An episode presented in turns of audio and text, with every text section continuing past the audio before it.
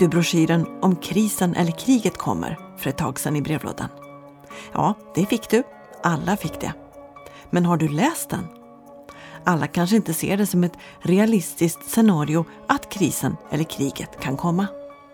Men försvarsberedningen föreslår i alla fall att Sverige återupptar livsmedelsberedskapen till en kostnad av sådär 700 miljoner kronor per år från år 2021. Vi ska börja nu, absolut. Börja med vad då? Med att ställa om svensk matproduktion för att ha en bättre beredskap och producera vad befolkningen behöver inom landet. Välkommen till Feeding Your Minds andra avsnitt. Jag heter Camilla Eriksson och är forskare numera på FOI, Totalförsvarets forskningsinstitut, men har tidigare jobbat på SLU, Sveriges lantbruksuniversitet, där jag har skrivit en rapport om livsmedelsproduktionen ur ett beredskapsperspektiv. Att Sverige ska återuppta livsmedelsberedskapen, när slutade vi ha en sån? Vi avvecklade de sista eh, beredskapslagren i, precis i början av 2000-talet, 2000, 2001, något sånt. Men eh, man slutade kanske att planera för och aktivt driva en sån här politik redan i mitten av 90-talet kan man säga. Men ur jordbrukspolitisk synvinkel så får man datera det ännu längre tillbaka för vi övergav den här nationella jordbrukspolitiken egentligen redan inför det beslut som kom 1990 som man brukar kalla för avregleringsbeslutet. Du som har dykt ner i det här ämnet, då, hur skulle du säga, hur är vårt läge som land när det gäller att kunna få mat i händelse av kris eller krig? Ja, väldigt dålig. Är, vi är väldigt sårbara för den typen, för stora samhällsstörningar och stora kriser. En riktigt lång störning på flera månader, då blir det ju viktigt att produktionen också kan fortsätta. Och det är väl det jag har eh, tittat mest på, förutsättningar för jordbruket att fortsätta producera under kris och krig. Sverige är inte unikt sårbart i den värld av global handel vi har idag. Men vi skulle snabbt ligga rejält illa till om en kris eller ett krig under längre tid stoppade leveranserna av diesel till jordbruksmaskiner, slog ut strömförsörjningen till storskaliga gris och kycklingproducenter till exempel eller skar av importen av handelsgödsel och foder. Varje dag, hela, varje timme om man säger så. Eh, alla producenter är väldigt beroende av att man ständigt får leveranser av insatsvaror och när det gäller jordbruket då så är det diesel och handelsgödsel och växtskyddsmedel och så. Eh, så utan, utan att ständigt vara i, i få ett inflöde från, från omvärlden i någon mening så fungerar det inte att producera idag. Men det är också väldigt olika beredskap beroende på vad som produceras, eller hur? Kyckling till exempel, väldigt så just in time-tänk. Mm. Det ses som en kostnad i näringslivet idag att ha ett lager och då försöker man att göra det så strömlinjeformat som möjligt så att man aldrig ska behöva ha någon redundans egentligen i systemet. Och det, är ju, det går ju helt tvärt emot eh, beredskapstänk och där är kyckling och grisproduktionen kanske den mest rationella ur det perspektivet i, idag. Men nedslående också om man läser i din rapport här är ju att skulle det bli totalstopp i både leverans av ström och, och diesel och, och, foder och sånt då bedömer ju inte kycklingproducenter och, och svinproducenter att ja, men vi kan slakta av och snabbt distribuera ut det här till folk som inte har mat utan det skulle gå till spillo. Ja, precis. Det blir ju så när, när eh, i alla fall på stora anläggningar och, och kyckling och grisproduktionen är generellt eh, storskalig i Sverige idag i en fungerande ekonomi så slaktar man ju inte på gårdsnivå. Så då föreställer sig att man ska kunna slakta på gårdsnivå med en livsmedelssäker slutprodukt, det är ju, det är ju väldigt orealistiskt. De måste ju levereras till slakteri de här djuren om, de ska kunna bli, om det ska kunna bli mat av dem. För mig ligger det nära till hands att börja tänka det här att vi, vi har inte då varit i krig på så länge. Vi kanske invaggats i lite falsk trygghet och tänker att så fel kan det väl inte gå.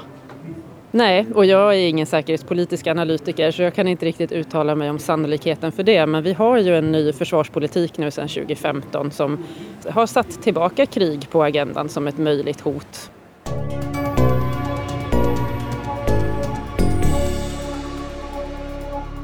Ja, transporterna, drivmedlen, strömförsörjningen, hela infrastrukturen kring vårt högteknologiska lantbruk handlar om när man pratar om beredskapsläget kring mat i händelse av krig eller kris. Men i Feeding Your Mind ställer vi också alltid den allmänna frågan till kända och okända. Vad tror du blir framtidens mat? Jag heter Jan Bertoft och jag är generalsekreterare på Sveriges konsumenter och det har jag varit ganska länge. Jag har arbetat med konsumentfrågor ända sedan 80-talet egentligen. Jag tror att framtidens mat bygger på eh, hållbarhet, på hälsa och eh, en transparens. För att eh, konsumenterna vill i allt högre utsträckning konsumera schysst. Eh, de vill konsumera sånt som är bra. De vill veta hur de här produkterna har kommit till eh, och vad, vad det så att säga ställer till med rent hållbarhetsmässigt. Och betyder det att mycket av dagens mat går bort? Det behöver inte nödvändigtvis betyda, men det kan, det kan handla om olika mängder. Alltså det handlar till exempel om kött, att man, vi behöver äta mindre kött. Men man kan hitta nya produkter och större förädlingsgrad. Sen handlar det också om, om nya källor för att få de här näringsämnena, till exempel mera växtprotein och nya produkter och så vidare. För att kunna tillfredsställa vegotrenden som ju att, att kommer hålla i sig och kommer att fortsätta. Hej, Therese Hetqvist heter jag och jag eh, pratar hållbarhet på Youtube och Instagram. Vad tror du är framtidens mat? Svårt att säga, men någonting som jag tycker är väldigt spännande det är alla startups som poppar upp och som satsar på att odla lokalt i städerna. Jag har bland annat varit och hälsat på ett företag som odlar basilika och eh, grönsaker i ett lite hemligt rum under jorden, så hydroponisk odling. Så jag tror att vi kommer få se mer av det och eh, hoppas det. Det känns som framtidens mat. Ehm, jag tror att vi fortfarande kommer att äta kött men i alla fall i Sverige så verkar det som att vi är intresserade av vegetarisk mat och experimenterar mycket. Så att jag tror definitivt att vi kommer äta mer vegetariskt i framtiden.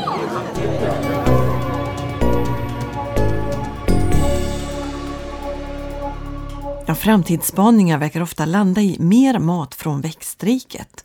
Och så skulle det nog alldeles definitivt bli vid ett krig eller i ett långvarigt krisläge i Sverige.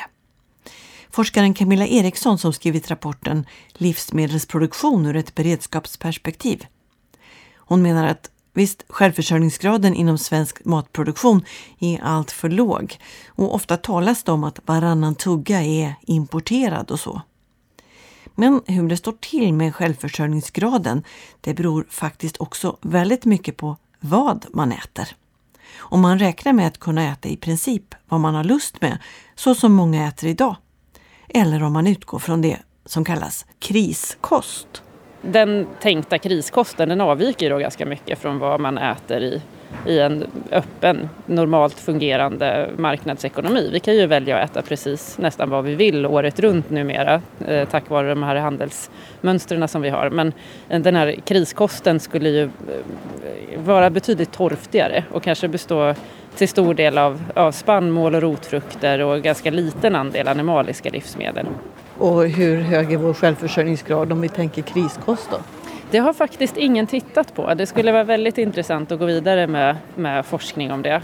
Man mäter inte ur det perspektivet idag utan när det i media cirkulerar siffror om hur stor självförsörjningsgrad vi har då är den baserad på handelsvärdet av det som vi producerar jämfört med handelsvärdet på det som vi konsumerar. Och då brukar man få en, en siffra på ungefär någonstans mellan 40 och 50-55 procent.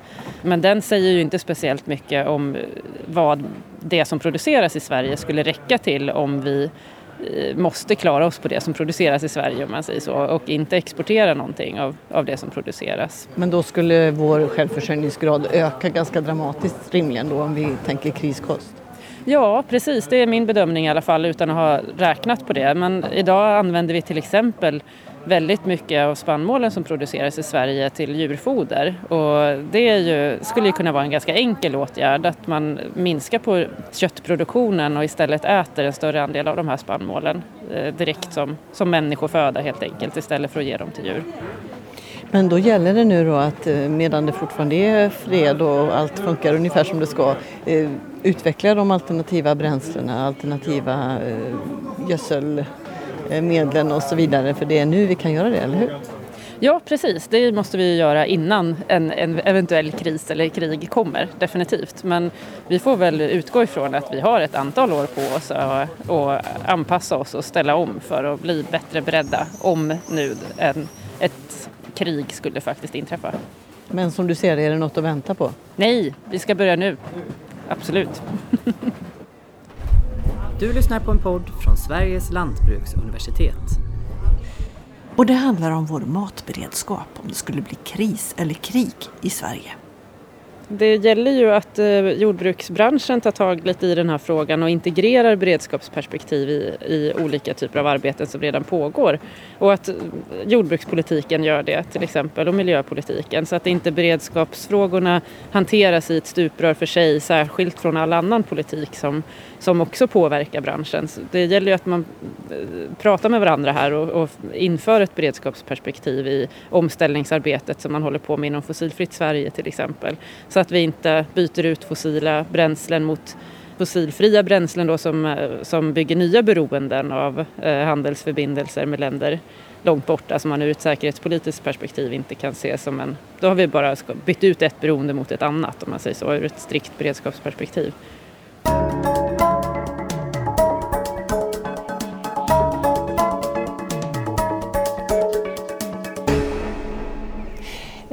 Pernilla Tidåker och jag är forskare på energi och teknik på SLU och jobbar även med utbildning.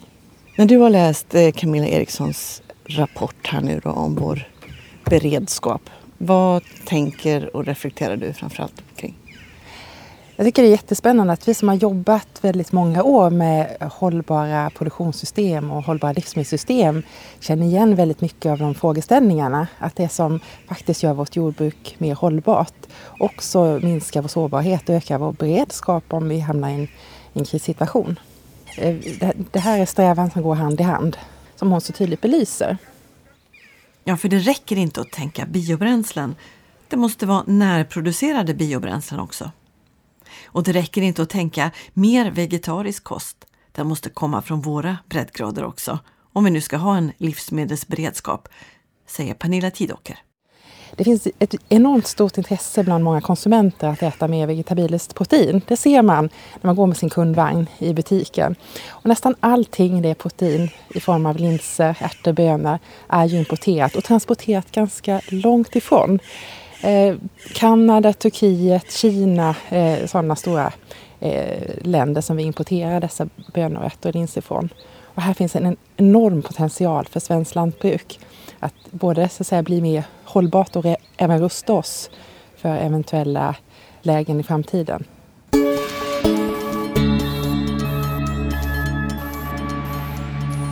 Så här långt om vår matberedskap vid kriser och krig.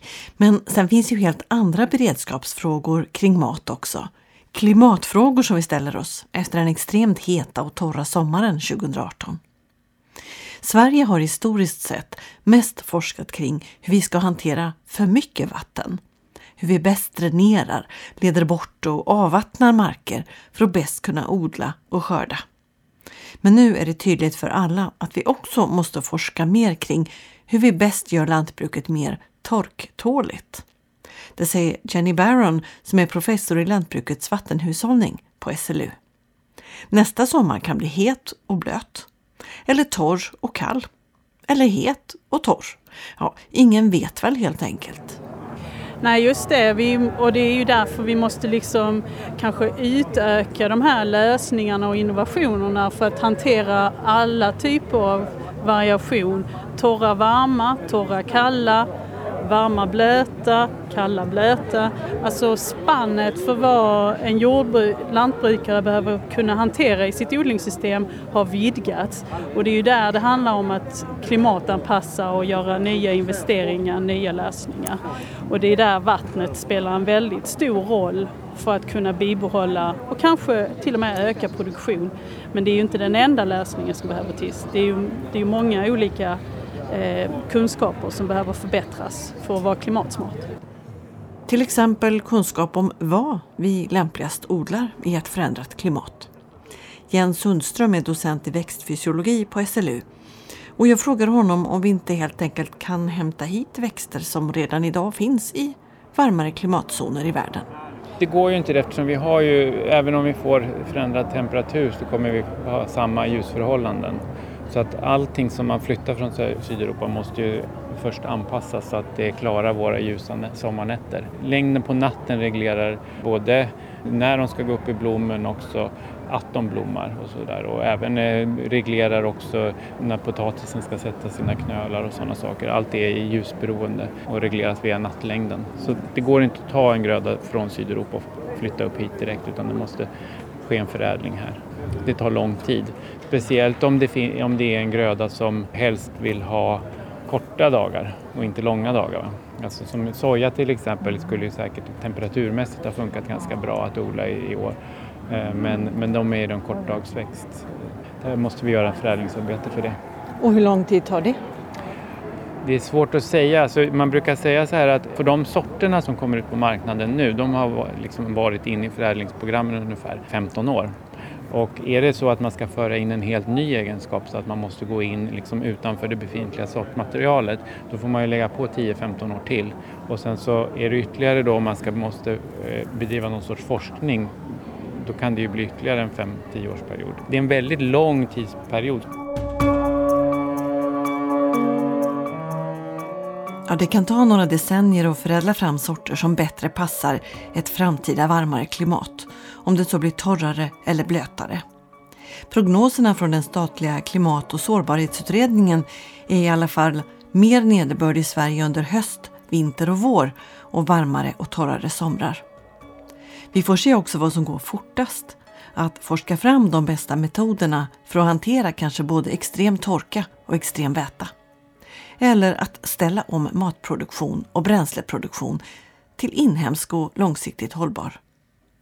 Forskaren Camilla Eriksson på Totalförsvarets forskningsinstitut hoppas i alla fall att hennes rapport ska inspirera de olika svenska myndigheter som nu är ålagda att planera framåt för det svenska civila försvaret, men som inte riktigt vet i vilken ände de ska börja.